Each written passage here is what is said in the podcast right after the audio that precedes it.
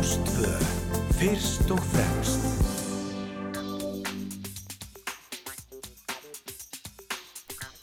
Komiði sæl og blessuð. Þá leggjum við að stað hér á Rástvö. Þetta er þátturinn fram og tilbaka og ég, Felix Bergsson.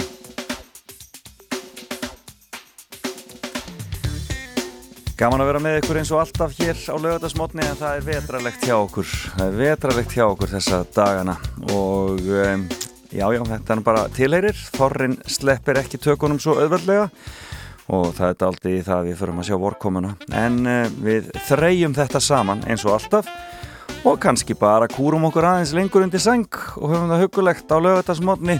Hlustum á skemmtilegt fólk og skemmtilega tónlist og það reynum við að eh, færa ykkur hér á Rást 2 og ég tala við e, tvo íslensku kennari í dag, hvorki meirinni minna. Jájá, það, e, það er dagur kennarans á Rást 2 hér kemur í fimmuna eftir smástund Þorbjörg Þorvaldsdóttir sem að er kennari og formaður samtakana 78 og e, það verður gaman að kynast henni nánar og heyra hvað fimmu hún býður okkur upp á. En eins og vennilega er það þannig að það eru gestir mínu sem velja þetta algjörlega sjálfur og segja okkur á fimm atriðum af sama tægi sem hafa haft áhrif á líf þeirra. Og svo ætlum við að ringja hér eftir nýju til Finnlands. Og einhvern veginn gruna mig að þar sé nú líka vetraríki og þar er líka engin annar en Reynir Þór Eggertsson sem er um, þar uh, lektor í íslensku uh, við uh, háskólan í Helsingi og við ætlum að ræða aðeins um áttak sem að íslensku lektorar við Háskóla Erlendis er að hefja í tengslum við að nú er um þessar myndir 120 ár liðum frá fæðingu Haldurs Lagsnes e, Haldur Lagsnes eins og allir vita, stórmerkjulegu maður og hann var einhvern veginn holdgerfingur 20. aldarinnar fættist e, inn í fátækt samfélagi byrjun þeirrar 20. E, árið, þess að sagt 1901 og deyr, hvað var ekki, 1998 um, uh, í einu ríkasta landi Európu, ótrúlega hvernig hlutinir breytast á ekki lengri tíma en það en það sést þess merki sannarlega í verkum hans. Við ræðum þetta kannski aðeins hérna á eftir við við Reynir Þór. Og svo ætla ég að sleppa fréttagetunin í dag, hún býður í eina viku í viðbót. E, því að mig langar til að e, revja upp síðustu söngvakeppni árið 2020 það var engin söngvakeppni fyrra en það var söngvakeppni árið 2020 og þetta ger ég vegna þess að í kvöld allum við að afhjúpa laugin sem keppa í söngvakeppni árið 2022 þetta er þessi tími. Nú e, reynum við að finna okkur eitthvað skemmtilegt að dunda okkur við þar til vorið kemur og söngvakeppnin er gott, gott tilmyndi til þess. E, og svo er það bara tónlistin auðvitað. Og ég er auðvitað sem að byrja einu og gamlu og góðu úrsöngakefni emitt lag frá árinu 2012 e, þetta, er lag, e, þetta er árið sem að sem að hún Greta Salome vann og var sendt til Azerbaijan Greta Salome og Jónsi en þar kom lag fram sem að átti eftir að verða mjög vinsöld og strákarnir sem að því stóðu Já, eru búin að senda frá sér fullt af, af lögum síðan og uh vinsælir meðal ungu kynsluðanar. Þetta er hljómsveit sem kallaði sér Blá Rópal og lagið Stattu upp. Gaman að vera með ykkur.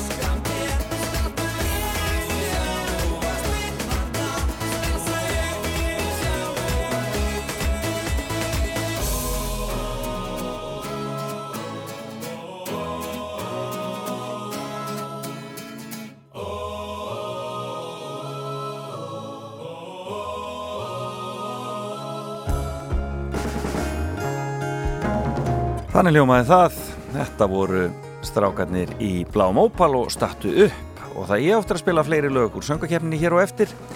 En það fyrir að líða því án Þorbjörg eh, Þorvaldstóttir setist hér hjá mér. Og við ætlum að fara í gegnum fimmuna hennar. Hlustumist á Leilo og svo byrjum við Þorbjörg að rappa. Þetta er Brostins strengur.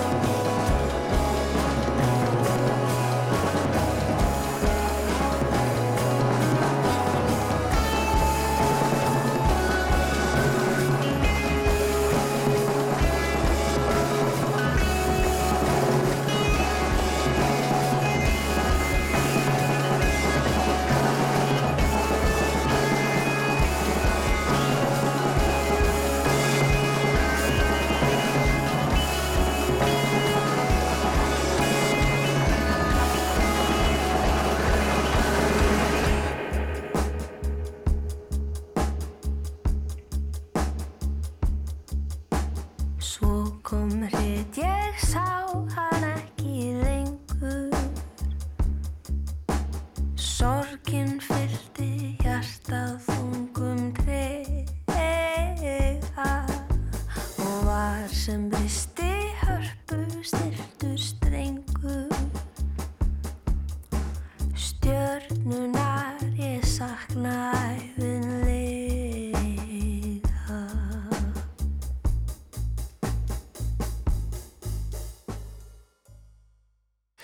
Já, þannig hljómaði það frá henni Leiló, þetta var frábær plata sem hún gerði með eh, lögum íslenskra skáldkvenna, brostinstrengur hérna. Og þá bjóðum við velkomin viðmælanda morgunsins Þorbjörg Þorvaldsdóttir, hjertanlega velkomin. Takk, kella fyrir.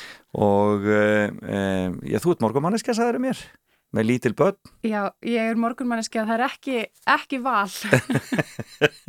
ég er nefnilega algjör er Ef ég fæ lausan tauminn þá er ég vakandi fram eftir nóttu og, sofandi fram eftir mótni. Já, ég skil. En, hérna, en það er ekki, ekki annað í búið en að vakna upp úr sex. Með dætrónum. Já, Já. það eru tvekja og, og fimm ára og eru miklu morgun hann. Já, það er flott maður. Gott að er, gott að eru morgun hannar. Já, þetta er ágætt. Þetta er yfir með að staða allána. Það er yfir það stað. Já. Já, tveggja og fimm ára, það er mikið fjör á heimilinu þá. Já, Og þeir eru búin að vera í einangrun og sótkvi alveg svoleiðis út í hið óvendanlega. já, yngri dóttur mér losnaði gær, Já, já. komst loksins á leikskólan, hún var svo hamingjusum. Dásamlegt. Já, þetta var yndislegt. Maður er er, þakkláttur fyrir frelsi, ég get allavega alveg. En þetta er líf ungbarna fjölskylduna þessa dagana og barna fjölskylduna almennt. Jú, akkurat, þessi dóminó líka Já, akkurat, að veikist einn af öðrum og, og alltaf lengist sótkvíin og einangrunin. Við býðum kærlega að heilsa öllum sem eru hatt núti og eru í þeirri aðstöðu við þið eigið samúð okkar allra en þetta, þetta gengur yfir. Þetta klárast. Kári segir apríl. Sagði hann ekki líka uppálega að þetta er því tveggjóra? Ég sko, jú. Hann er þetta búin að segja svo margt. hann er búin að segja ansi margt, hann er alveg hægt að finna ímislegt sem sagt hefur verið ég held hann- ég held hann hann en eh, ég heyrði þetta alveg innan úr innan úr heilbrískerfinu að tvö ár væri svona eh, þumarbuttaregla í svona pandemik í svona, Ok, mist áhugavert já. Heyrðu gaman að sjá þig og hver er nú fimmann þín Þorbjörg? Svona bara beint, svo við rjúkum Já. beint inn í það Ok, sko, fimmann mín mm. er, eru svona draumar eða störf Já, sem að ég enda á að fylgja, þessast draumar sem ég ákvaða að fylgja ekki. já, ok Eða, eða einhvern veginn, já, urðu ekki. Já, Ég, hérna, já, ég, Þetta- er mér fannst það eitthvað eitthva áhugavert. það er pæling. mjög skemmtileg pæling Mjög skemmtileg pæling að þú nú fyllt ansi mörgum draumum Já, ég hef gert það, orðin, eh, þú ert íslensku fræðingur og íslensku kennari og formaði samtakna 78 þú ert búin að, þú ert búin að fara ansi víða og gera ansi margt og þú ert búin að fara í heimsureisu og eftir stúdinspróf og gera allt svona þetta skemmtilega. Já, ég hef gert rosalega margt og eða þú veist, og, og fyllt fullt af draumum, Já, algjörlega, og stundum aðeins og mörgum í einu kannski og, og verið hérna, verið einhvern veginn algjörlega úttauguð á því, Já, en, eh, en já, en, mér fannst þetta eitthvað, eitthvað spennandi, af því að maður er alltaf, auðvitað, maður er alltaf að velja sér leið. Já. Og hérna, og það, það eru svona þessar greinar og, og Mm. þessi, þetta val sem er svolítið áhugavert við lífið og, og þetta heldur áfram bara út lífið. nákvæmlega og ég meina og, það, og, svo er þetta svo stórar ákvarðanir að það er bara, það er Já, er það. allt, já. Já. En byrjum bara á fyrsta draumin sem þú fylgdir ekki Já, ok. það er skemmtilegt Það var hérna svona gegnum gangandi þema eiginlega bara frá því ég, ég er kannski svona 6-7 ára á og Mhm. alveg þangað til, já ég veit ekki alveg hvenar ég hérna, gafst upp á þessum eða ákvaða að hann var ekki fyrir mig en svona kannski 14 ára og, hann, og það er samt svona útrúlega fyndið að þetta býr alveg ennþá í mér. Já, Uh, það er það, mér langaði alltaf að verða fordlega fræðingur já. Og, og mér fannst þetta svo uh, og finnst þetta svo áhugavert fag og svo skemmtilegt. Já, og var algjörlega hilluð af svona af gamla tímanum og, og þær bækur sem ég var að lesa sem krakki voru mikið til svona, þú veist, einhverja sögur sem að gerast í sveit í gamla daga, sossubækurnar og, uh, og eitthvað svona og, og var alltaf eitthvað svona róta í, hérna, í mölinu fyrir þann skólan að að finna eitthvað sem væri gamalt og, fannst þetta alveg ótrúlega spennandi. Já, og svo held ég að hafi líka haft áhrif á þetta að hérna, ég bjó í, í kjarmóum í Garðabæ og þar fyrir, fyrir ofan var verið að grafa upp gamla Hofstaðabæin bara fyrir utan tónlistaskóla Garðabæ já Og þannig að þú hérna- fylgdist með fordlega uppgröft Já, ég sá fordlega uppgröft. Og það var samt sko eftir að ég var búin að ákveða eða þú veist, eftir að, eftir að þetta var orðin draumur hjá mér, þannig Já. að það var einhvern veginn algjörlega fáralegt að þetta skildi Og varstu þá eitthvað að vasast í, kringum það og fylgjast með og svona? Já, ég var aðeins að, fara þarna og, og spyrjast fyrir og, og spjalla og, og, og svo leiðis og það hérna var náttúrulega bara, og, og já ótrúlega spennandi fyrir maður að sjá. Já, ég held að þetta sé ótrúlega, ég held að þetta sé miklu algengra en maður heldur, krakkar hafa áhuga á svo náttúrulega komið þarna komið þannig kvikmyndin eins og Indiana Jones og eitthvað svona sem að svona, svona eru þú veist aðeins að, að, að kveikja. En það er, þetta er eitthvað í manneskjunni að finna eitthvað. Já, og, því held að sé þessi tenging líka við fortíðina. Nákvæmlega. Og þessi svona, þessi sammannlegi hlutur einhvern veginn að, að reyna að setja sér í spór fólk sem að bjófi allt aðrar aðstæður. Já, en samt á sama stað, þetta er eitthvað svo eh, hérna, þetta er alveg pínu magna já. Þú bí- elst upp í Garðabænum eins og þú segir mér þarna va- varst í miklum tengslum við eh, svona eldri eh, hluta fjölskyldunar eldra fólki í fjölskyldunni og svona um, mm, Já, voru, voru, allir, voru allir þarna í Garðabænum ekki akkurat, ekki þegar ég er þarna, se, hérna á þessum tíma. Nei, en amma og afi reyndar byggðu hérna, byggðuhús í Garðabæð á þessum tíma. Þau byggu, byggu í hérna lögurásnum Ok, uh, og hérna og hinn amma mín og afi byggu í, í Njarvík já, þau eru, mamma mín er að, er að sunnan. Hún er að sunnan, já. Að, en ég var í, var í miklum tengslum hérna við ömmur mín og afa og, og hérna og sérstaklega ömmu Mari sem er móður amma mín. Já, og hérna þannig að þú fórst, tókstu rútuna þá til Njarðvíkur nefn í ég nú skuttla sko. Já, og svo fekk ég að vera kannski, fekk að vera alveg eitthvað tjóðan í tvær vikur og svona bara hjá ömmu. Ó, þetta var sannlegt. Já, það var hérna, var indislegt og, og hún er mitt alveg örlátt á sögur og, og hérna og, og margt svona, margt skemmtilegt að skoða í hillanum hjá henni. Einmitt og, mi- og, og finnur þú fyrir mikilvægi þess að, að, að, að vera í tengslum við þá sem eldri eru? Já, það skiptir alveg, alveg ótrúlega miklu máli myndi ég segja. Já, af því þetta er maður eignast líka öðruvísi samband við við hérna ömmur og, og afa það Já. verður einhvern veginn það, já, það er einhvern veginn allt annað ég hlakka alveg til að verða amma sjálf ég held að verði mjög mjög skemmtilegt að fá svona aðalega skemmtilegu hlutina. Já, við, við uppeldi. Já, geta skilað, geta skilað á ákveðnum já, stundum. akkurat.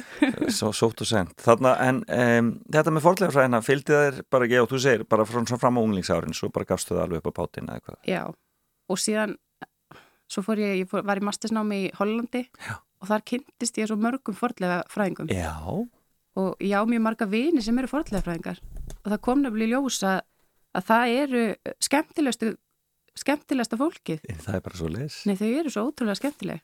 Svolítið drikkvöld og hérna þá er náttúrulega á ég við sérstaklega þennan hóp. Það er með búið að afgreða heila stjætt mamma já, tökum heila stjætt sem að fyrir það við erum nú sérfræðingar í fordómum Já, hérna, akkurat, við vitum allt um það. En, Já, en þetta er skemmtilegt. Já, þannig að þá einhvern veginn hugsaði ég af hverju, af hverju gerði ég þetta ekki Já, sko? okkur kildi ég ekki á það já, Já, þá hefði ég verið í hérna, uppgröftum í, í Íran og eitthvað svona eins og, eins og krakkandi sem, sem ég var að kynast þarna Já úti þau voru í því, Hollandi. þau voru já. að fara í svoleiðis Já, bara gamlu Persíu og já, já, já, og bara, þú veist, svo gistaði í tjöldum og það eru bara búðir og, æ, þú veist, þetta er Já, alveg er fáránlega spennandi. ævintýri, Já. ævintýri og ævintýri og skemmtilegt. Heyrðu en hvað var næsti draumur sem að þú síðan þarna gafst upp á bótin? Hvað var annað sem þið langar? Það var svona leikonu, söngkonu Já, draumur eitthvað og ég var mjög svona mjög söngalst batn og, og mjög aðteklisjúk mhm, og hérna og var komin á það á okkur um tímapunkti að ég ætlaði að, ætlaði að verða leikona og hérna og, og mér hefur alltaf langað til þess að, að gera eitthvað svo leið sko en ég hérna en ég held að ég hafi ekki hæfileika því.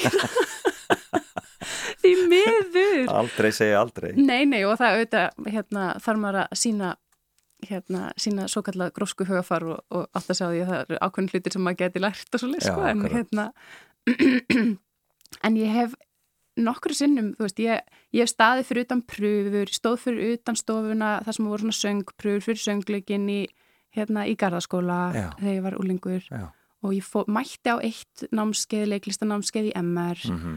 og, og, og ég fór með þess að núna fyrir jól fór ég á burlesk námskeið hjá samtökur og setja Já, og ég bara, þetta er eitthvað svo langt út fyrir þægindana með mér, Já. þetta er eitthvað svona löngu sem ég hef, en, en þú getur þetta en ekki ég geti þetta ekki. Nei, eða þú veist, allavega ekki þannig að ég sé tilbúin til að leggja það á mig sem ég þarf að leggja á mig til þess að bara að, að geti þetta, ég er kannski að, bara aðeins svo mikið Excel. En nú þarftu í þínu starfi, bæði sem formaður samtakana og líka sem bara kennari að performera. Þú þarft að standa upp fyrir framann hóp fólks og, og, og, og performera. Ég held að það sé sko, ég held að þetta snúist um stjórn, ég held að þetta snúist um það að mér finnst mjög gaman um þetta standa fyrir svona fólk og, og sæki í það e, og fæ þannig kannski útráð fyrir þess að hattekli síki en og hérna og hef, já, hef gaman að því svona að reyna að hafa áhrif á fólk og svo en, en ég en, en þá er ég með stjórn aðstæðum. Ég hef stjórn svona nokkuð neginn aðstæðum sem kennari. Mhm. ef að ég stend upp í pontu og er að kynna eitthvað mál eða, veist, eða ef ég kem hingað, veist, ég hef eitthvað neginn aðeins meiri stjórn á aðstæðum heldur en ef ég á að fara að spinna kannski já, já. fyrir já, framann hópa af, af öðrum eitthvað svona leiklistar námskeiðs. Og, og það eitthvað neginn er svo rosalega berskjaldandi Mhm. og það er bara eitthvað sem ég þarf að æfa mig í sko. Já, að sleppa að sleppa tökum og sleppa egonu Já, sko. akkurat að maður er svo mikið, já, ég, hérna, já, alveg ríkala erfitt með þetta Æ. og það er kannski þess vegna sem að ég líka um skellti mér á þetta burlesknáski ég, Já. ég ætla að prófa þetta aftur Það er bara, það er bara En- allir, á brjóstunum og rúsa stuð bara. Já, við vorum endur öll, við vorum í fötum allan tíman og, og þetta var eiginlega allt öðru sem heldur en ég sá fyrir Heldur að mér. bjóst fyrir, já, akkurat. Og ég enda, og þetta var alveg hérna, þetta er orðið að svona mómenti sem ég hugsa um árin ég fyrir að sofa. Já, já, þar sem ég sé fyrir mér einhvern veginn hvernig ég hérna eh, já, við áttum að gera eitthvað svona æfingu þar sem við áttum að leika eitthvað dýr og, þú veist, já, ég bara, ég, hérna ég fæ svo mikið kjánurhótt, ég get ekki tala um þetta og, og þetta var svo hræðilegt hræðilegt fyrir mig. Svona s- vaknar upp á nóttunni bara, oh, oh my god. Já, nei, þetta er komið í hérna í hérna hópin, ég reyndar er komið með það motto og maður þurfi bara að gera nú marga vandrarlega hluti og þá getur heilin ekki valið svona Nei, fyrir söfnin akkurat, akkurat. En, ég, hérna, en, en þetta er svona, já. En þú ferði í MR, Já, af hverju MR frekar en að fara í, í, í skóla í Garðabænum?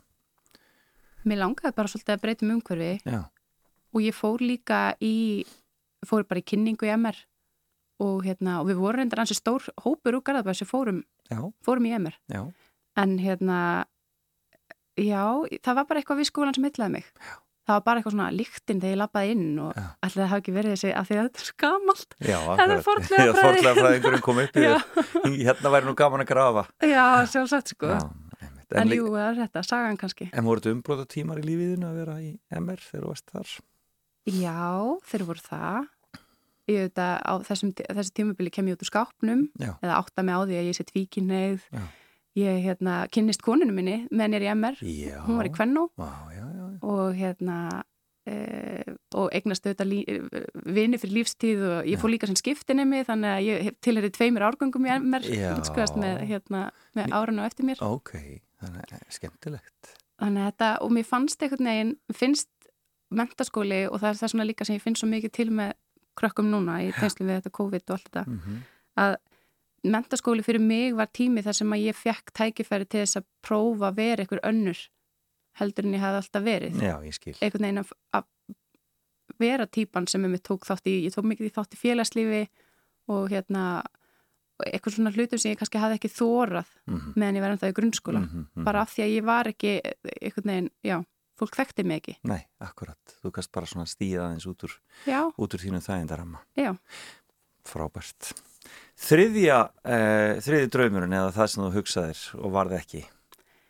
Það er eh, að vera köfunarkennari. Já! Já, það er Um, aldeilis. En af hverju köfunar kennari?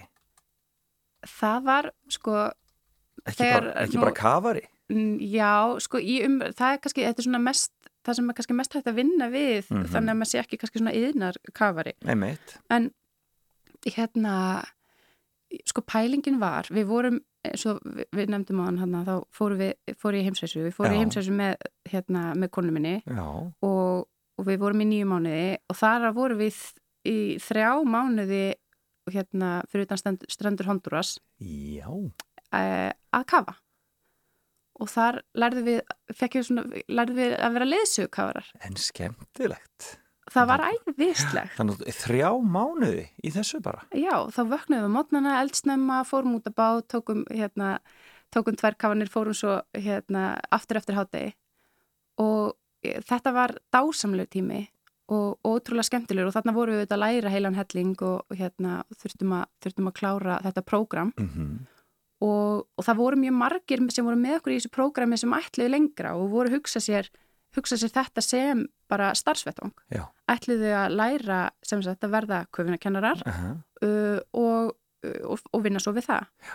Og mörg þeirra gerðu það Já, og, og eru út um allan heim. Þau eru í Mexiko og í, í hérna, e, Indonési og Tælandi og bara á Frábært. hinnum ýmsu stöðum. þannig nú getur náttúrulega tækifærið að fara bara heimsótt þetta fólk og kafa með því hér og þar og alls staðar. Já, það er, hérna, það er í búði. Þa, það er planið. Það, já, alltaf á planinu svo sem, og hérna og væri æðislegt Já, en þetta, þetta var eitthvað svona draumur sem að við, og við rættum þetta alveg fyrir að eigum við kannski að gera þetta bara já, hérna, og það var eitthvað stemningin í hópnum var líka einhvern veginn þannig að fólk var svolítið búið að, að skilja eftir líf sitt eh, selja húsi sitt og hérna og einhvern veginn vildi bara stíga út úr þessari rútínu og þessu, hérna, þessari pressu og, og einhvern veginn svona því sem maður myndi kalla á ennsku the grind sko. já. Þannig að þú ert næstu því, þú ert næstu því komin meira uh, undir sjáariðuborð heldur en, heldur en þú sért á jörðinni. Æ. Já, nánast og, og bara, æ En hvað er það við köfun sem þú heitlaði svona af? Það var held í lífstílinn Já, og það er ákveðin svona frelsistilfinning líka mhm, að, að vera, og það hljómar auðvitað skringilega fyrir fólk sem hefur ekki kafa Nei. en það er svona frelsistilfinningin að vera í vatninu og vera svona þingdarlaus og hérna og þetta er eins og að fljúa pinliti og, og dáliti eins og hugleðsla og en það var fyrst og fremst fólki og það var stemningin og það var hérna já, voru partíin líka og veist, þetta var bara ótrúlega en skemmtilegt þú eru aldrei lendin inn um háska meðan á þessu stóð, þessu, þessu, þessu lífi. Nei, sem betur fyrir ekki. Nei, sem betur fyrir ekki. En við þetta lærðum, lærðum ýmislegt þurftum að taka svona björgunar, köfuna, kursana það. og, og, og svo les Og hvernig var Honduras? Honduras er náttúrulega dásanlegt land Já, ég var þar sem skiptinni þú varst það líka sem skiptinni já. já. En þeir eru nú aldrei í sínu vandræði með ímislegt. já, og þar hefur þetta bara já, Slæm, slæm stjórnun. slæmstjórnun og, og mjög svona uh, vond áhrif bandaríkjana Og kannski Eh, katholsku kirkjuna líka eða hvað? já, svo sem sko jú, jú, auðvitað öllu haldið í hérna, Heljargreipum, þar já. Varandi eins og hluti eins og hérna hinsinn málefni Einmitt, og, og, og konur. og konur er sjálfsögðu, já. En hérna, en á sama tíma og miklu, miklu glæpir og, en það reyndar var ekki svoleiðis á þessum eigum þar sem við vorum hann svona lengi. Ok. en inni í, inni í landinu og þar sem ég var sem skiptinu þar er, eru glæpir mjög hérna, uh, mjög algengir.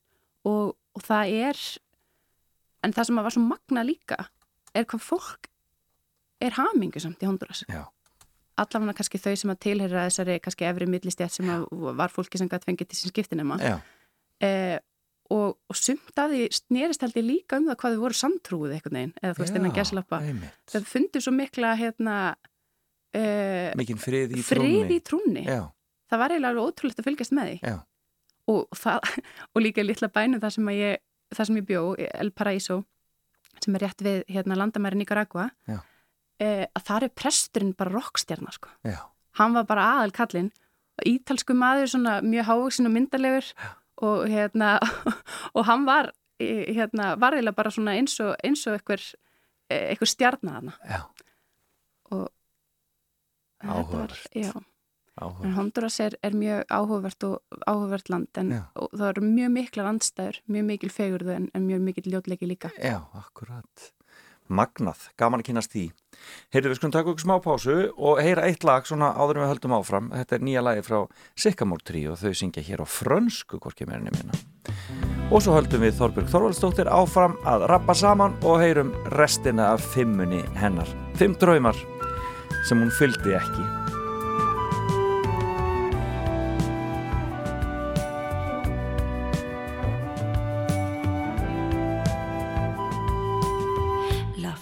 Flamme disparut Et non, non sont perdus. Le soleil est parti. Ton amour explosionne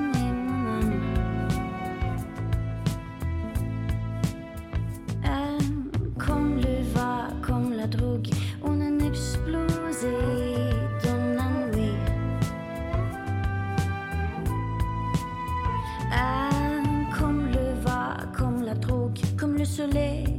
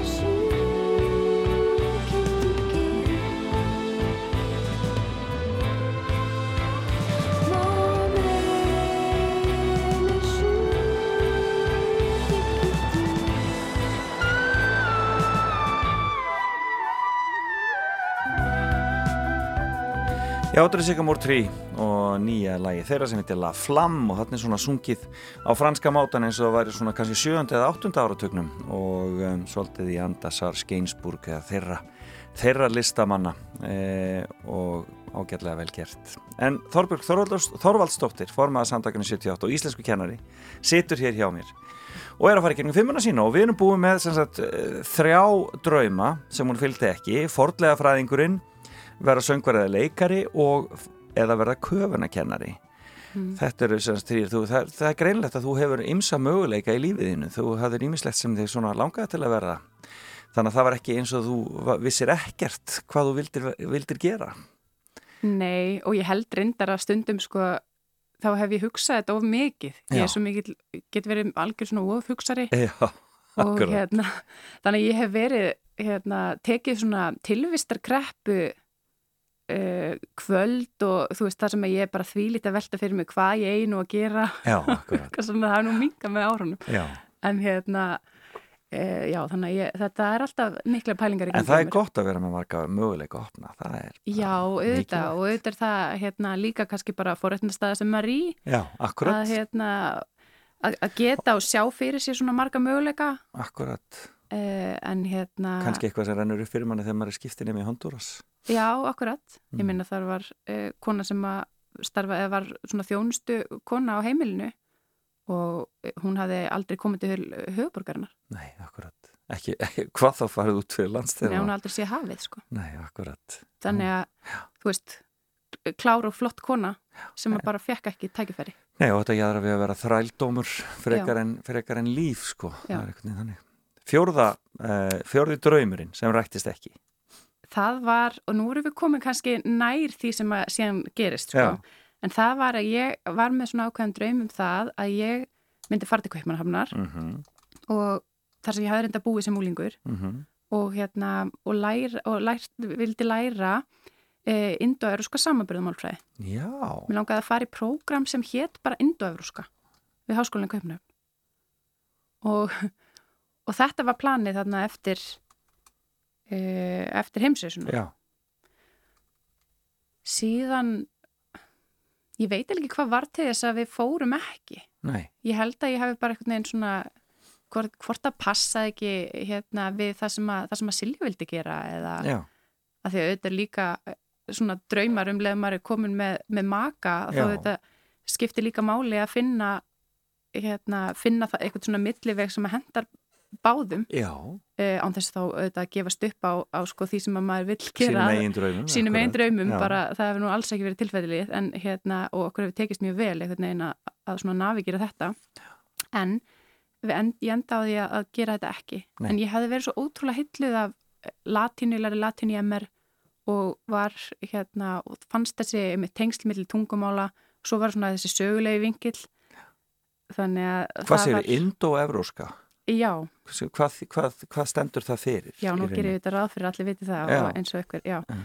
Eh, það- Indo- Indo-evróska frummálið er þá það sem að hérna, talið er að, að öll indo-evrósk mál hafi þróast út, Út frá, já. út frá og akkurat, það já. hafi þá verið hérna, e- eitthvað tungumál eh, sem, að, sem, að síðan, sem að síðan þróast yfir í, í bara öll, nánast öll mál til dæmis í Evrópu og, já, já. og hérna, Og ansi víða, já, ansi víða á, á, á heimskringlunni. já, sjálfsögðu það er náttúrulega hérna, hafa, hafa indo-evrósk mál tekið yfir heilu, heilu heimsálutnar. Nákvæmlega, nákvæmlega.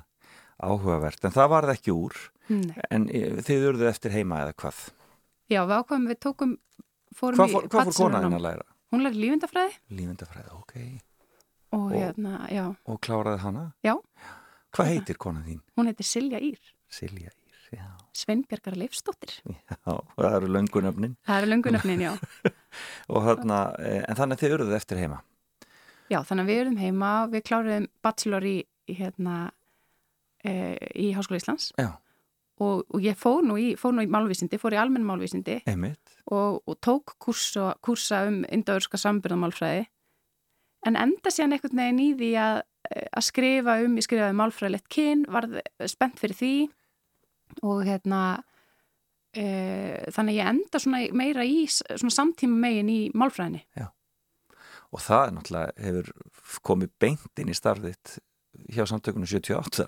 Já, það hefur gert það. Já, Við förum síðan, fórum svo til, hérna, til Hollands, fórum bara í mistranám þangað og, og þar held ég áfram með þessa pælingu með málfræðilegt kyn. Já, og, hérna, og þetta auðvitað kemur sér alveg rosalega vel og hefur eiginlega komið sér fáránlega vel þegar við höfum bæði verið náttúrulega í samtökunum höfum verið í svo mikill nýjirða smíð og, Mhm. og, og það er alltaf, fólk er alltaf að spekulera í málfræðilegu kynni mitt nákvæmlega. og, og hvernig eigi að, hvernig eigi að nota, nota öll þessi nýju orð og hvernig, hvað er nú með hérna, fornafni hán og, Og, og, allt þetta. já, akkurat og, og, hérna, og hvað þýðir þetta fyrir íslenskuna og, og svona þannig að það má vel að segja að þetta, þetta hafi nýst á, á alveg útrúlega vegu. Já, merkilegt þegar mannrétt þetta bara þann dettur inn í málfræðina. Það er alveg, Já, það er, er mjög magna. já, það er bara svolítið oft hannig Já, að, að mannréttinda bara þetta nákvæmlega. fer já, já. fram á þessu sviði að, að þetta verður eitthvað svona barata fyrir orðum, kannski gegn orðum líka að því að Ég bara orð og hugtök og, Akkurat, já,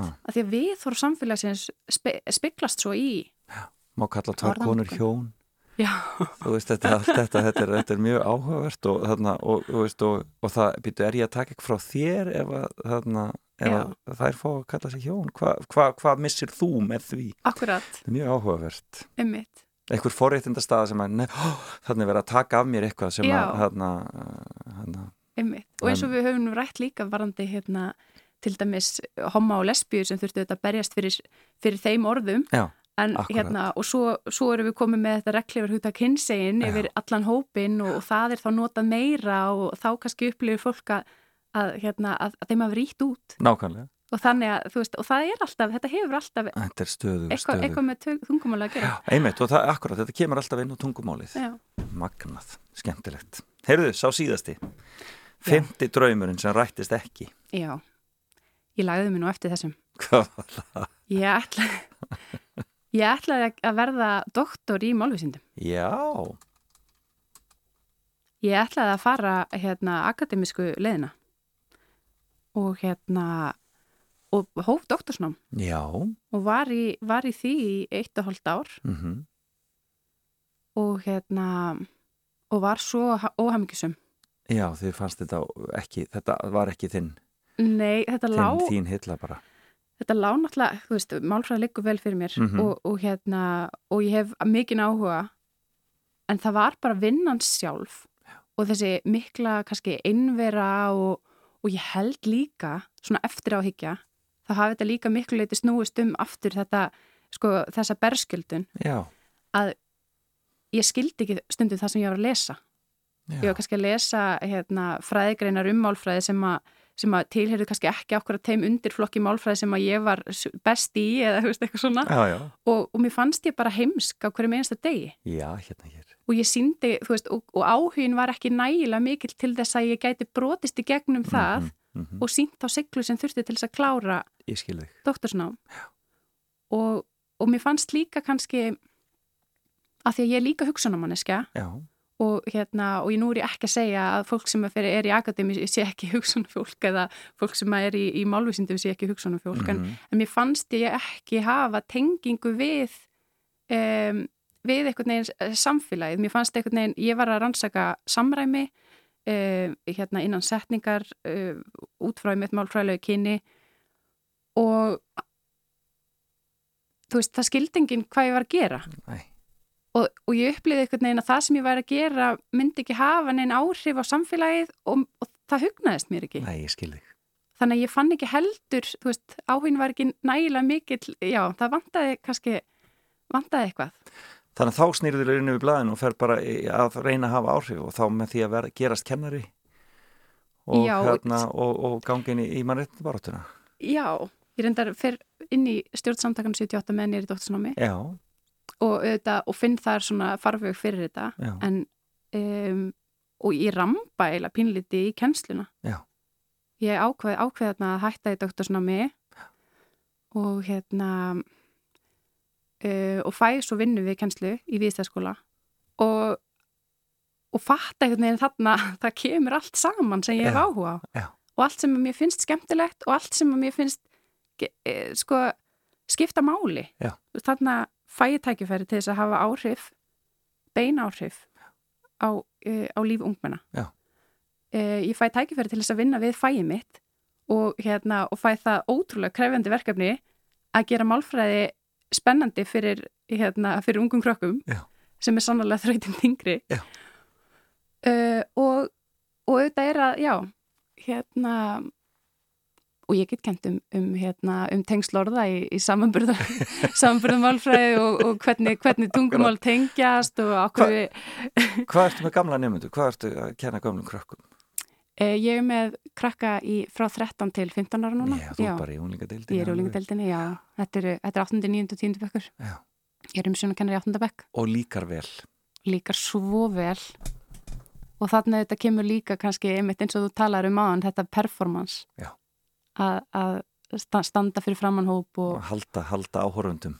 já, Já. og fá hérna og ég líka, já, ég nýt þess að að, að einhvern veginn reyna að auka samheldni og, og svona og mér finnst þetta þetta er einhvern veginn á allan hátt fullkomi starf og það er eiginlega algjörlega fáranlegt að ég hafi ekki fattað fyrr Nei, það stundum ekki, það er stundum langa leið til. Já, já, algjörlega og kannski, þú veist, já, það- maður þarf, þarf að prófa alls konar og það er svolítið það sem mér finnst, finnst skipta máli og það sem ég reynir líka að segja nefndum mínum að, að maður þarf nú ekki, þú þarft ekki að ákveða því 13 ára og, og hérna, og, og gera svo bara, bara það og halda Það- að það sé engin annu leið.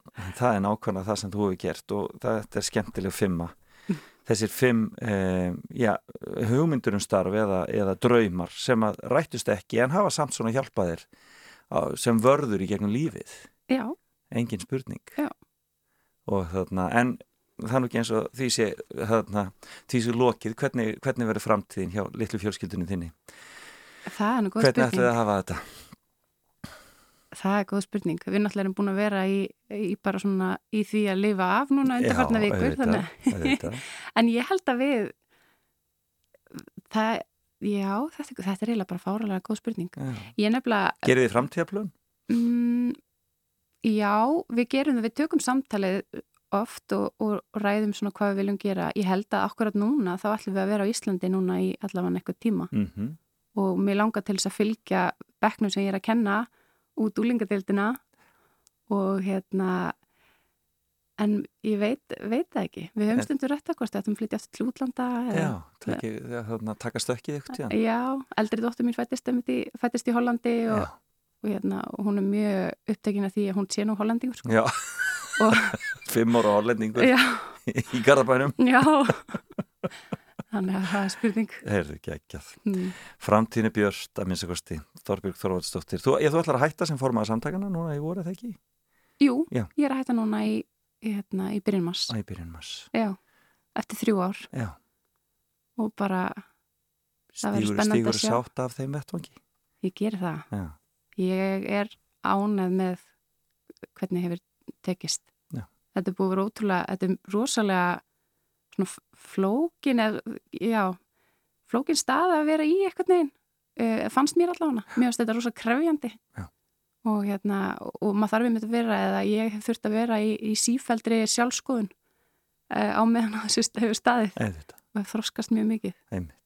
Og hérna, en er rosalega ána með stöðuna sem er á félaginu núna og það er náttúrulega ekki síst bara starfsfólkinu og sjálfbæðilegum að þakka. Frábært. Hmm, Þorbjörg Þorvaldsdóttir, kæra þakki fyrir komin í fram og tilbaka og gangi ykkur vel. takk hella.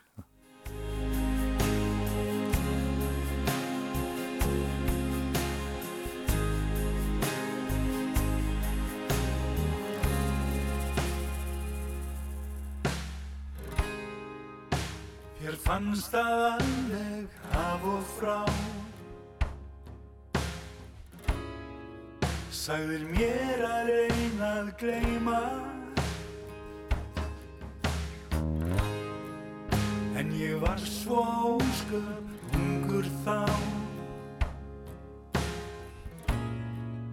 Og ég lefði mér að dreyma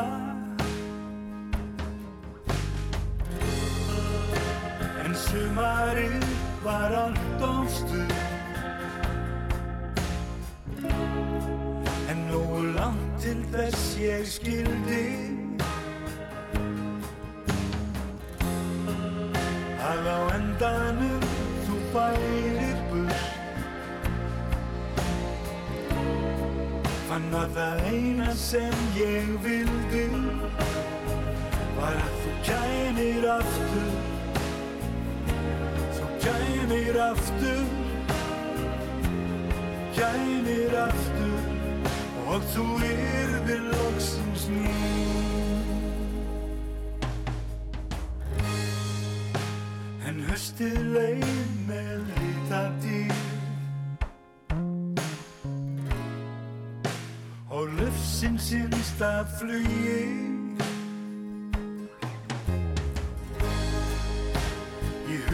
mér þú aftur snýr. Og við fellum saman hugin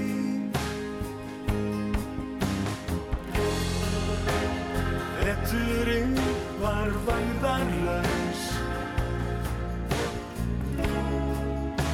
Hann hafði mig að háði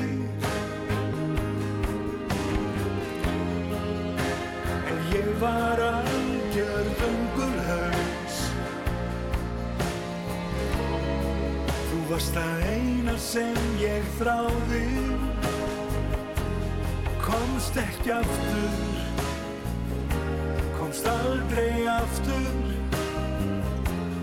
Komst ekki aftur. Og aldrei varstu mín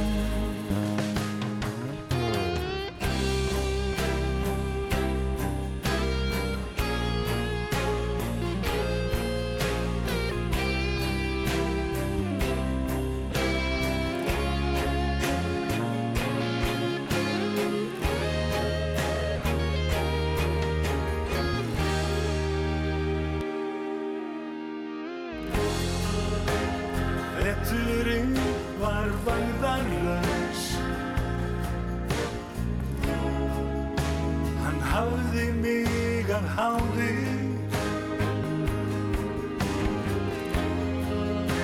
En ég var algjör vöngulhaus Þú varst það eina sem ég þráði. Komst ekki aftur Komst aldrei aftur Komst ekki aftur Og aldrei varstu mín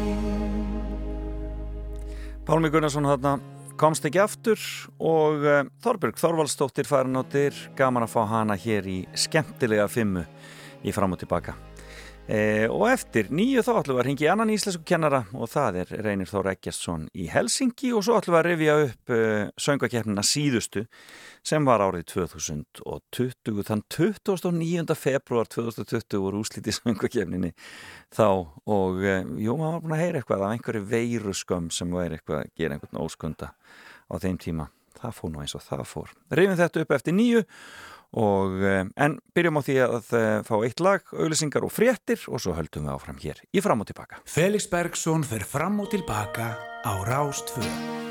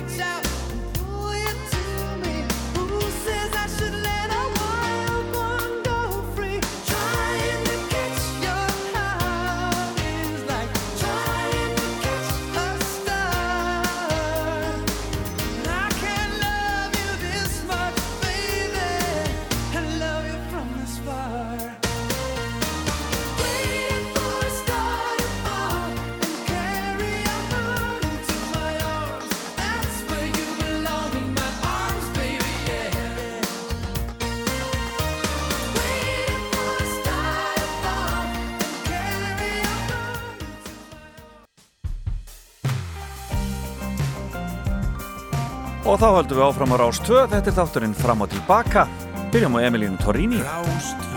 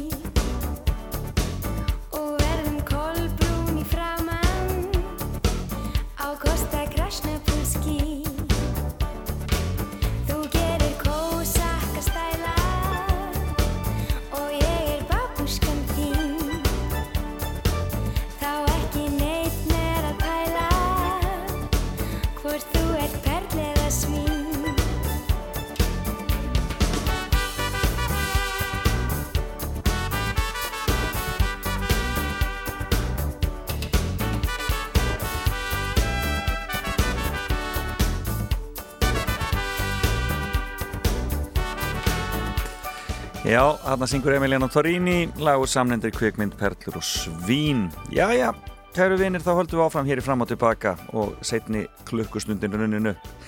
Og í þessum klukkutíma ætlum við aðeins að uh, heyri honum uh, Reyni Þór. Ekkert sinni í uh, Finnlandi, en íslensku kennarar Erlendis eru standa fyrir sérstöku.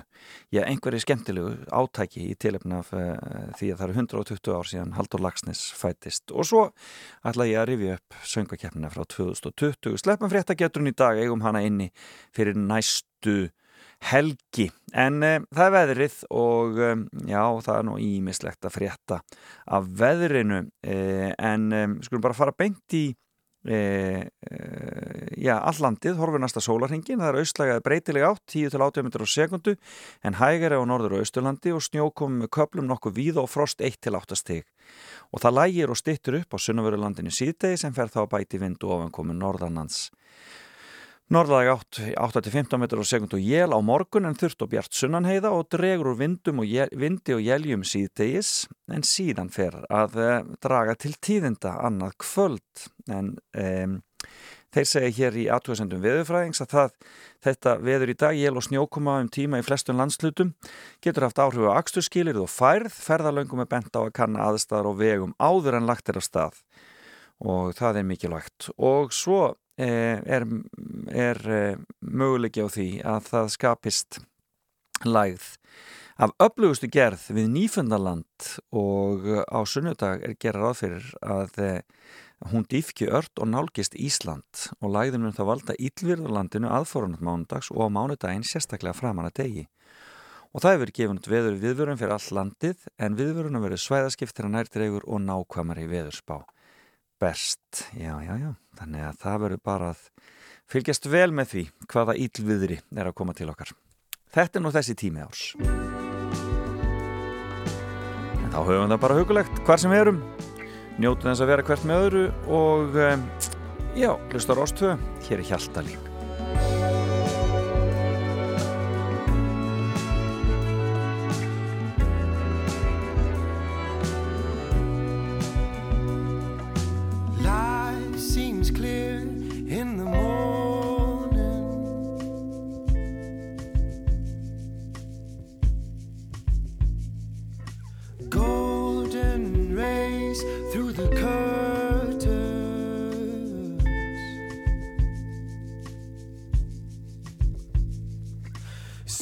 Softly dance on her shoulders.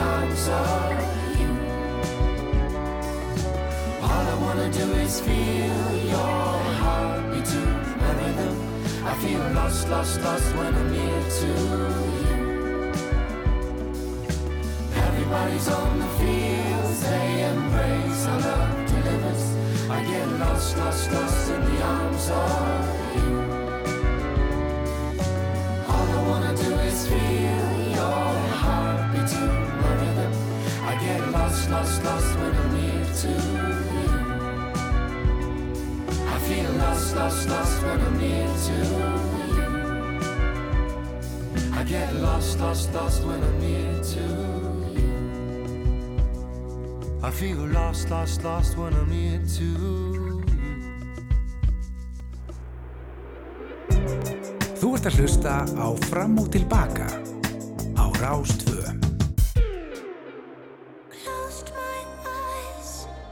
so I couldn't see it. Felt so numb, but now I'm ready to feel it. So tonight I'm making friends with all the creatures that are hiding there under my bed. I ain't gonna hold on to these monsters.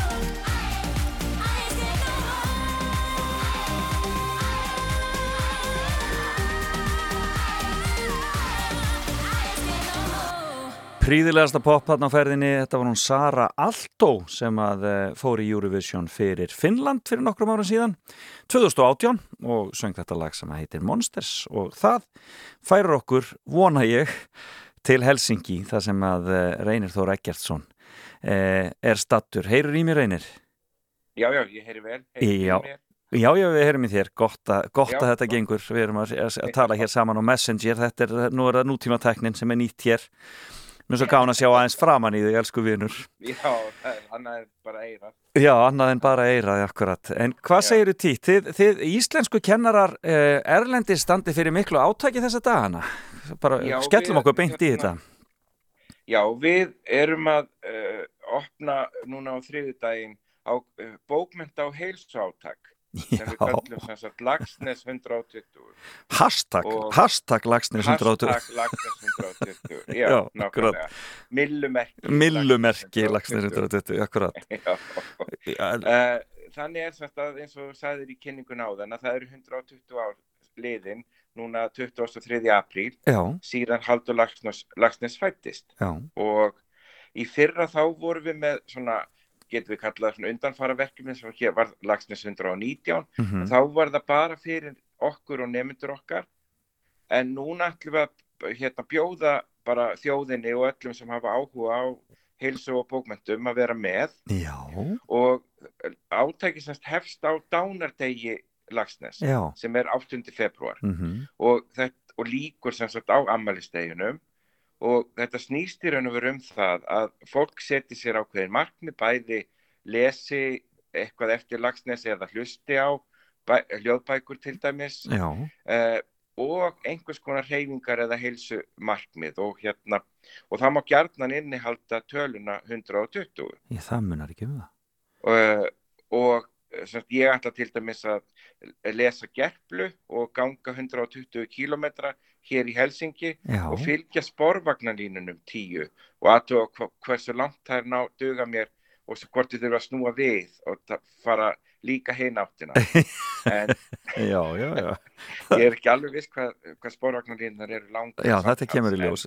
Ertu með svona skrefamæli eða svo leiðis í úrinu eða Já, eitthvað? bara á símanum, en annars getur maður náttúrulega líka að nota kortið sko. Já, akkurat. En við erum semst í samstarfi við Gljúfrastein sem er okkur innan handar, handar í þessu verkefni og hérna og að taka þátt virka þátt í þessu með okkur Já, meðal annars með lokaháttíð sem verður hérna á amalistegi skáldsins. Og það verður uh, skipulöð ganga frá Moselskirkju að Gljúfrasteini. Mhm, en við við- nánari dagskrá kemur svona, þegar nær dregur. En, þetta, en En- hvar getur maður, getur maður fyrir maður bara inn á gljúrastim.is til að skoða svona hvernig þetta virkar Já, eða svo leiðis? Já, og, og síðan það verður frétt, er fréttatilkynning þar, Já. en annars erum við með Facebook síðu Já, sem bara, það getur leita bara að Lagsnes 120 og við hvetjum fólk til þess að deila myndböndum, myndum, stöðufæslum, uh, þar til dæmis, það er líka hægt að vera á Instagram deil, og, og deila þar og nota þá einmitt millumerkið, Lagsnes 120 og, uh, og auðvitað líka á Twitter. Áhugavert. eða, og, og þeim samfélagsmiðlum sem fólk vill, vill vera á. Já, eða bara gera þetta fyrir sjálfsig það er líka hægt að vera bara í sínu eigin prívat Lagsnes 120 En Það er náttúrulega dásanlegt að nota tækifærið og rifja upp kynnin af Haldur og Lagsnes og, og Já, og finna það er svo þær bækur sem maður hefur það eru- að það er akkurat 90 ár síðan Salka Valka kom út. Já, þannig hún er í sérstöku öndvegi hjá okkur og Rúf er með okkur í lið og ætlar að láta lesa hana og ge- gera hana aðgengilega á Lagsnesvefnum hjá Rúf. Já, en hún er eina af því fáa sem er ekki eða eitt af því sem er ekki til í, í heildi lestri skátsins sjálfs. Já, en það er náttúrulega til mjög mikið sapn af hljóðurtökum inn á Lagsnesvef Ríkisvöldarsins þannig að ef að fólk er búið með sölku völku og langar í eitthvað annað þá getur það alveg fundið eitthvað við hæfi þar ef, ef, að- fólk er í hlustunargir Akkurat og taka það þá kannski með sér í, í göngutúrin í þessa 120 Nákvæmlega. kílómetra sem maður ætlar sér að, ætlar sér að ganga eða, eða hvernig Já. það er. E, Já, já, ég veit að einhverju ætla að hlaupa eða hjóla Já. og það kannski, það þarf ekki að vera 120 km, það getur verið eitthvað sem svona 120 er innifalið í eða Já. margfeldi af, það getur verið 360 km ef að fólk er hérna mjög aktíft. nákvæmlega. Eh, Ein, ein í lektorahopnu, hún ætlar að sippa, held í 120 sinum á dag, Já, það er allir góð. allt átækið, eða það er einu það. Er þið mörg, er þið mörg svona íslensku lektorar erlendis? Sko, miða við þær tölur þá sem ég get fundið á netunum, það er svona 90, um 90 skólar þar sem einhver nútíma íslenska er kend, kannski ekki alveg reglulega, en í þessum hópi sem er sem sagt svona tengdur í gegnum félag íslensku kennara er- erlendis, að þar erum við held ég 17 já, það er svo. og við erum frá, er í Kína er einn og síðan í Kanada í Winnipeg Já, en annars erum við að mestu leiti í Evrópu, já, frá. Helsingi og, og til Fraklands. Hún er hansi stór í íslensku deildin í Winnipeg. Ég man það, ég kom þangað og hún kom mér mjög óvart hvað hún var í Já, mjög stærri í Mjög bjóst við. mikið efni til þar og Já, svona. einmitt. Já. Skemmtilegt. Þannig að þið haldið góðu sambandi og, og svona stiðið hvert annað. Verður ekki það stundum svolítið einmannalegt? aukist kannski undir COVID að það verið meiri það verið meiri svona beins tengsl og, og svona og farið í ákveðin verkefni eins og haustið þarna 2020 þá vorum við með hérna þá vorum við með menningardagskrá þar sem við fengum rittöfund á skál til þess að lesa á nýjum verkum já, já. Og vorum á netinu bara á, á Zoom og hérna og það voru 130 manns að fylgjast með alveg frá, frá Kína og til Kanada. En skemmtilegt, svona að Já. gera þetta. Einmitt nýta, nýta tæknina þennan máta. Ég var að spyrja, pæla hvort þetta væri ekki stundu svolítið einmannalegt að vera uh, svona langt í burtu frá öllu og einn að kenna þetta. Jú, það getur alveg verið og sérstaklega því að það er, það er engin annar að, að gera það sam og ég í deildinni minn. Nei, akkurat, akkurat. En auðvitað náttúrulega er ágætis vinnuandi og svo leiðis. Já. En, það er- mjög gott að eiga þessa kollega til þess að bera undir og, og geta spjallað við. Og eru þið ekki náttúrulega í tengslum við þá sem er að ken, kenna norrænum málin líka þá náttúrulega og svoleiðis? Jú, jú, ég deili til dæmis skrifstofu með, með dönskulektornum hérna Já. við Helsingi áskóla. Já. Þannig að það er svona danst málsvæði hjá okkur. Og þér líkar alltaf, inn, inn en þér líkar alltaf jafn vel í, í Helsingi?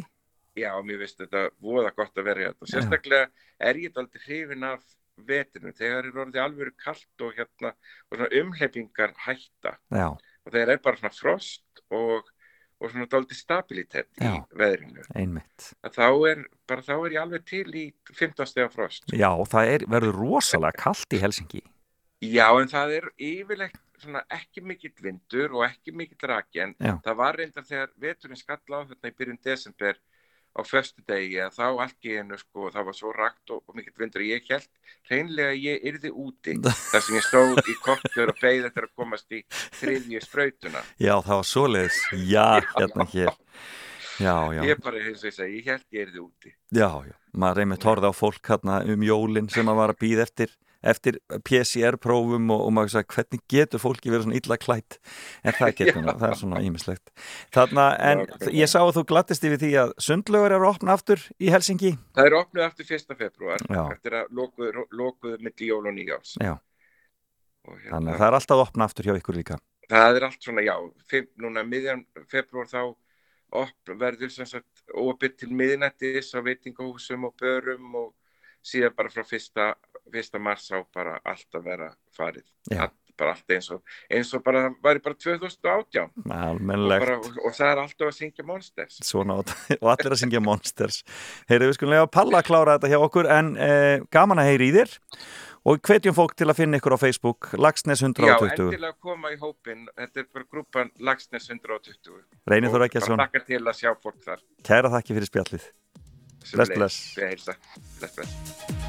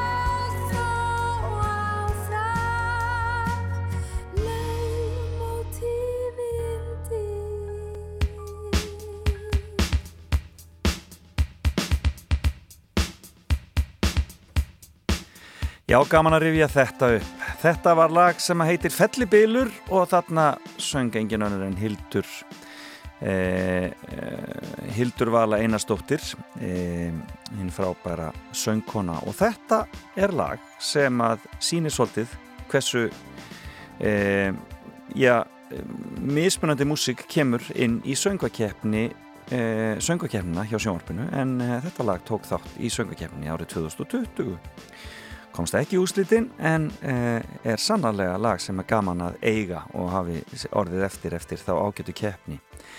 En mér langaði núna á næstu mínútum að rifja upp þessa uh, síðustu söngakeppni og tilöfniða það að í kvöld verða lögin í söngakeppni 2022 kynnt. Og við erum alltaf rosalega fljóta að gleyma þessum lögum því að þau koma og þau fara ansi hratt á vordögum. Og yfirleitt er það bara sigurlægið, já, kannski 2-3 sem svona standa eftir, eftir keppnina. En e, þetta var sem sagt þannig að e, söngakeppnin 2020 fór fram þarna í februar og fyrri e, undanúslitin fóru fram 8. februar, þau síðari 15. februar og úslitin svo 29. februar í lögardalshöllinni. Og e, þetta lag, Fellibilur, var í setni undanúslariðilinum á samt daða og gagnamagninu sem voru þar með e, lagið sem að hétta á íslensku bara einfallega gagnamagnið. E, þarna var líka Matti Matt með lag sem heitir Dreima, mjög flott lag. Nína tók þátt þarna með lag sem heit Echo og Íva með Okulis Videre og það voru þetta var semst síðar undanúsliðin á 15. februar en í fyrri undanúsliðinum þar voru uh, Kit Ísak með lag sem heitir Ævintýri, Brynja Meri ung líka og efnileg með augun þín og Elisabeth Ormsleg með lag sem heitir Elda þig en uh, þeir sem fóru í úslitin voru Dimma með Almirkva og Ísolda Helga með lag sem heit Klukkan Tifar og er ekki ágætt að rifja það upp á eh, ensku hétta síðan Meet Me Halfway og hljómaði svona þegar það fór í úslitin í lögadalsveitinni. Heyrum við skusti í byrjunin á því.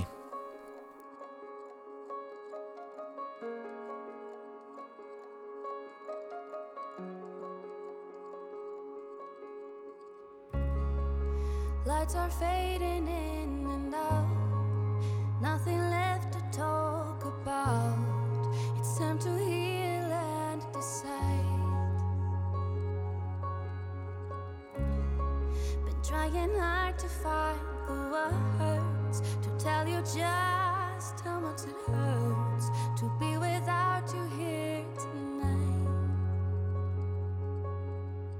Meet me halfway, meet me halfway. I want you to stay, want you to stay. Let's make it work again and turn the page.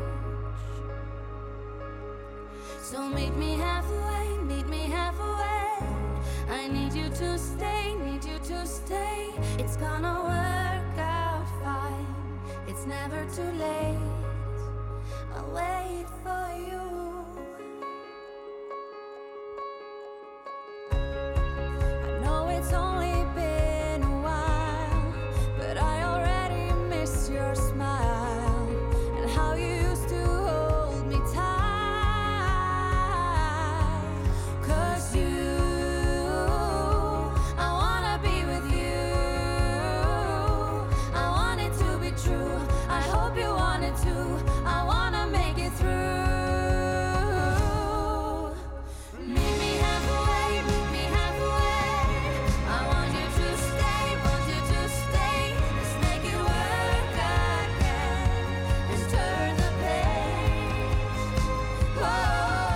Já, sannlega hefur príðilegasta pop þarna á ferðinni. Meet Me Halfway, þetta eru þær Ísolt og Helga sem tóku þátt í söngakefninni 2020 og þær fóru beint í úslitin á samt dimmu úr þessum fyrri undanúslitariðili en úr síðari undanúslitariðilinum kom það engum á óvart að það var Daði og Gagnamagnið og hún Íva Attichem með Oculus Videre sem fóru beint í úslitin og svo var eh, einu aukalægi skotið úr þeim riðili yfir í úslitin og það var Nína og Echo þetta voru semst þessi fimm lög sem keftu þarna í úslitunum í e, söngakefninni í lögutarsöllinni 29. februar og það var mikið um dýrðir það er óhægt að segja það í höllinni e, mikið fjör og e, glæsileg loka hátíð þarna 2020 og þetta var 29. februar og þið munið kannski eftir því að fyrsta opinbera smitið var staðfest eh,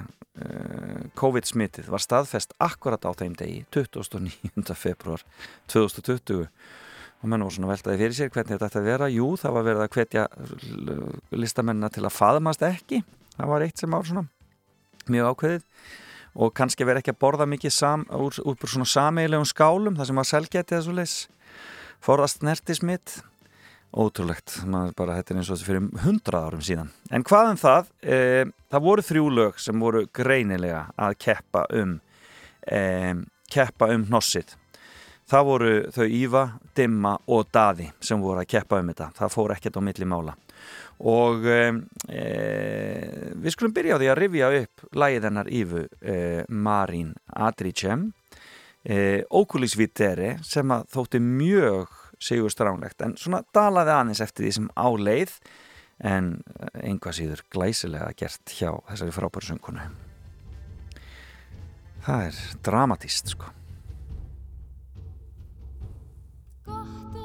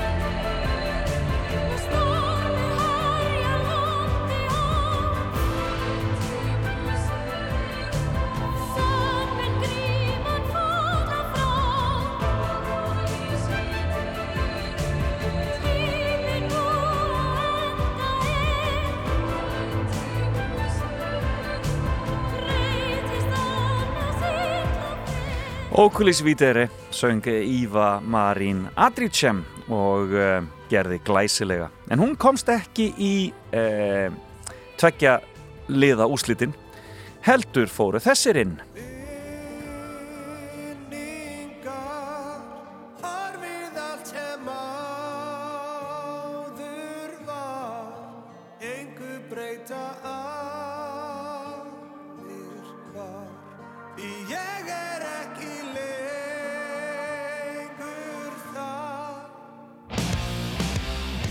þetta eru þetta dimma alvöru rockaról, mikið fjör í söngakefninni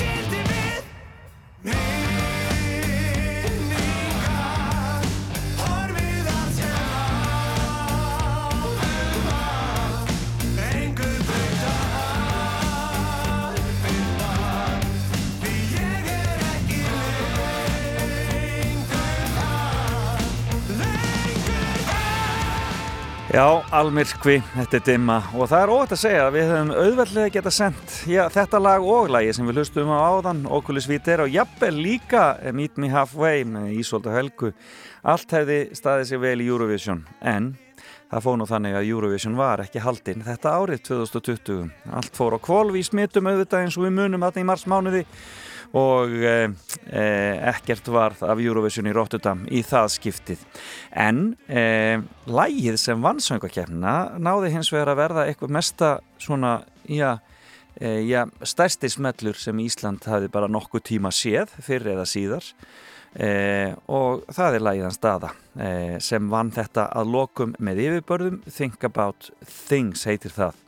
Og það fór þannig í úslitunum að e, Think About Things fekk e, samanlagt rúmlega 60.000 atkvæði e, og, í, og svo var gríðaleg spenna milli Dimmu og Ífu en þar Dimma fór í úslitin með 37.700 atkvæði en Íva með 37.500 sjáum við hvað það var spennandi. Og svo komu þau Ísolt og Helga og Nína þarna á eftir en e, í úslitunum var það síðan mjög skýrt líka. Daði og Gagnamagnið enduðu með e, 118.000 atkvæði og Dimma með 80.000 rúmlega. Þannig að þannig fór um sjóferð þá. En já, lægið var gríðarlega vinsalt en hún fekk ekki að keppa í Eurovision og eh, ég held að þetta sé svona það næsta sem við hefum komist í að vinna Eurovision svona í setni tíð en þetta var söngakefni 2020 og í kvöld í sjómanstætti í eh, sjómanpunum þá kynnumst við þeim keppendum sem verði í söngakefni 2022 sem hefst eh, 27. februar Það verður dásamlega skemmtilegt og ég vissum að Björg og Gísli eftir að spila fullt af Eurovision lögum hér og eftir svona til að hitta upp í þessu öllu saman. En við skulum enda þetta á að rifja upp Think About Things, hér er Daði og Gagnamagnið. Baby, I can't wait to know. Believe me, I'll always be there. So.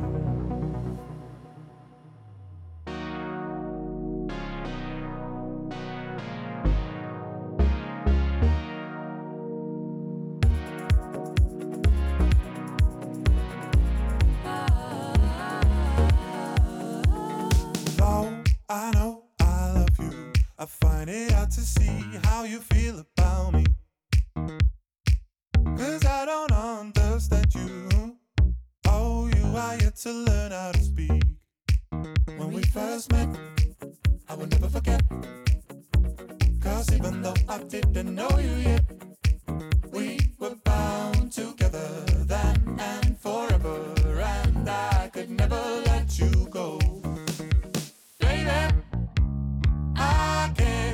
to know. What do you think about things? Believe me, I will always be there so you can tell me anything and I'll listen.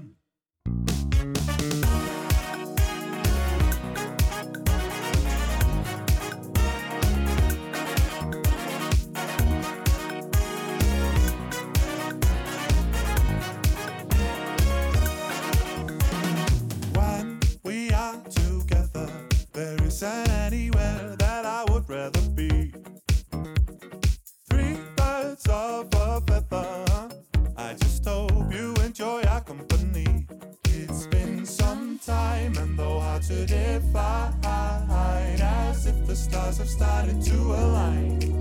We are bound together now and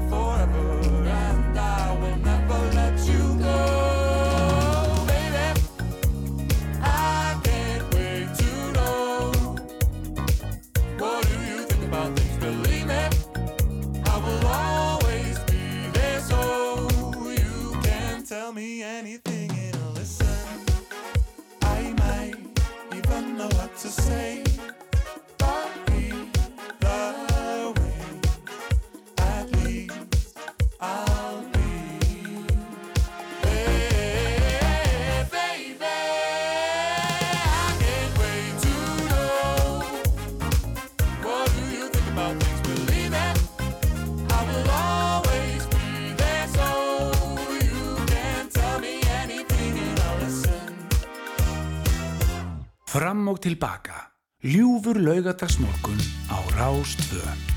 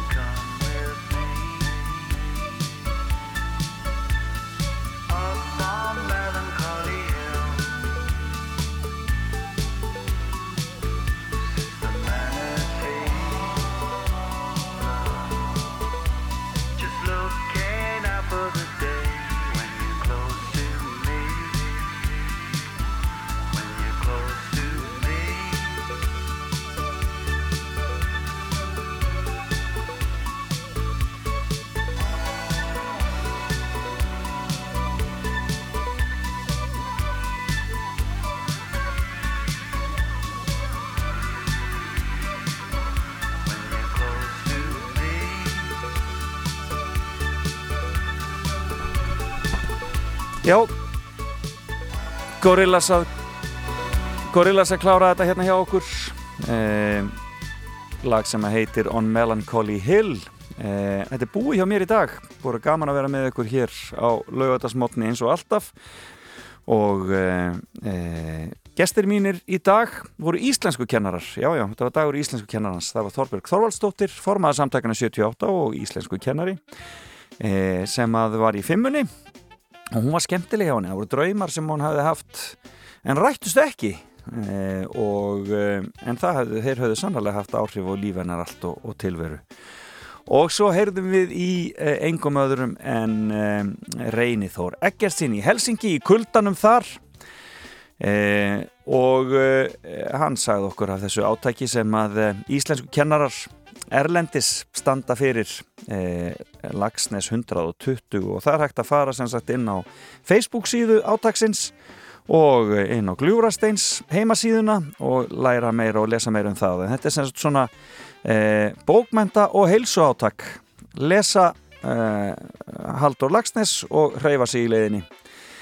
Eh, og þetta byrja núna hjá þeim á þriðu daginn 8. februar en eh, Dagskrá Rásar 2 rekur sig eins og alltaf á lögadöfum við fáum hér eh, kaffispjallið þeirra eh, Bjargar og Gísla eftir smá stund og svo kemur allir eftir háttegið og vinsætalistar og ég veit ekki hvað og hvað. Þannig að fylgist þið vel með okkur og verið með okkur og fariði varlega hvar sem þið eru. Það er brjála veður á landinu og e, ástæði til þess að, já, að fara hreinlega, fara varlega.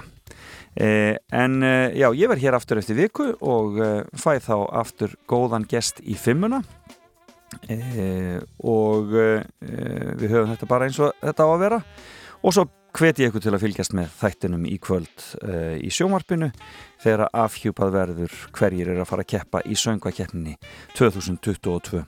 En við klárum þetta með nýja læginu frá Bríeti uh, þetta er algjörlega briljant ef þið ekki hafa sétt myndbandi þá hveti ég ykkur til að fara inn á YouTube og sjá þetta ótrúlega flott hjá þessari frábæri listakoni sem bara gerir allt betur og betur og betur. Lægið þetta er Cold Feet og við heyrumst aftur eitt viku. Bless, bless. Around to figure out how to make things better. Cause you've been running around, turning everything upside down. I'm pushing clouds away, but you bring back the gloomy weather. We keep running around, but fall down in the same old pattern. And there's nothing left to say. Time to walk away. Cause I can't stick around just when you want me. And I won't stick around if you got feet. You got coffee, coffee, baby. No, I won't stick around if you got cold, cold feet, baby, blue.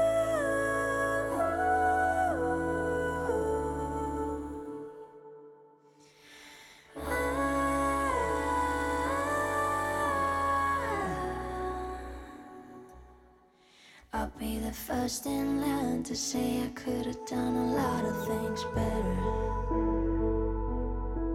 And when I break it down, it gets hard to breathe.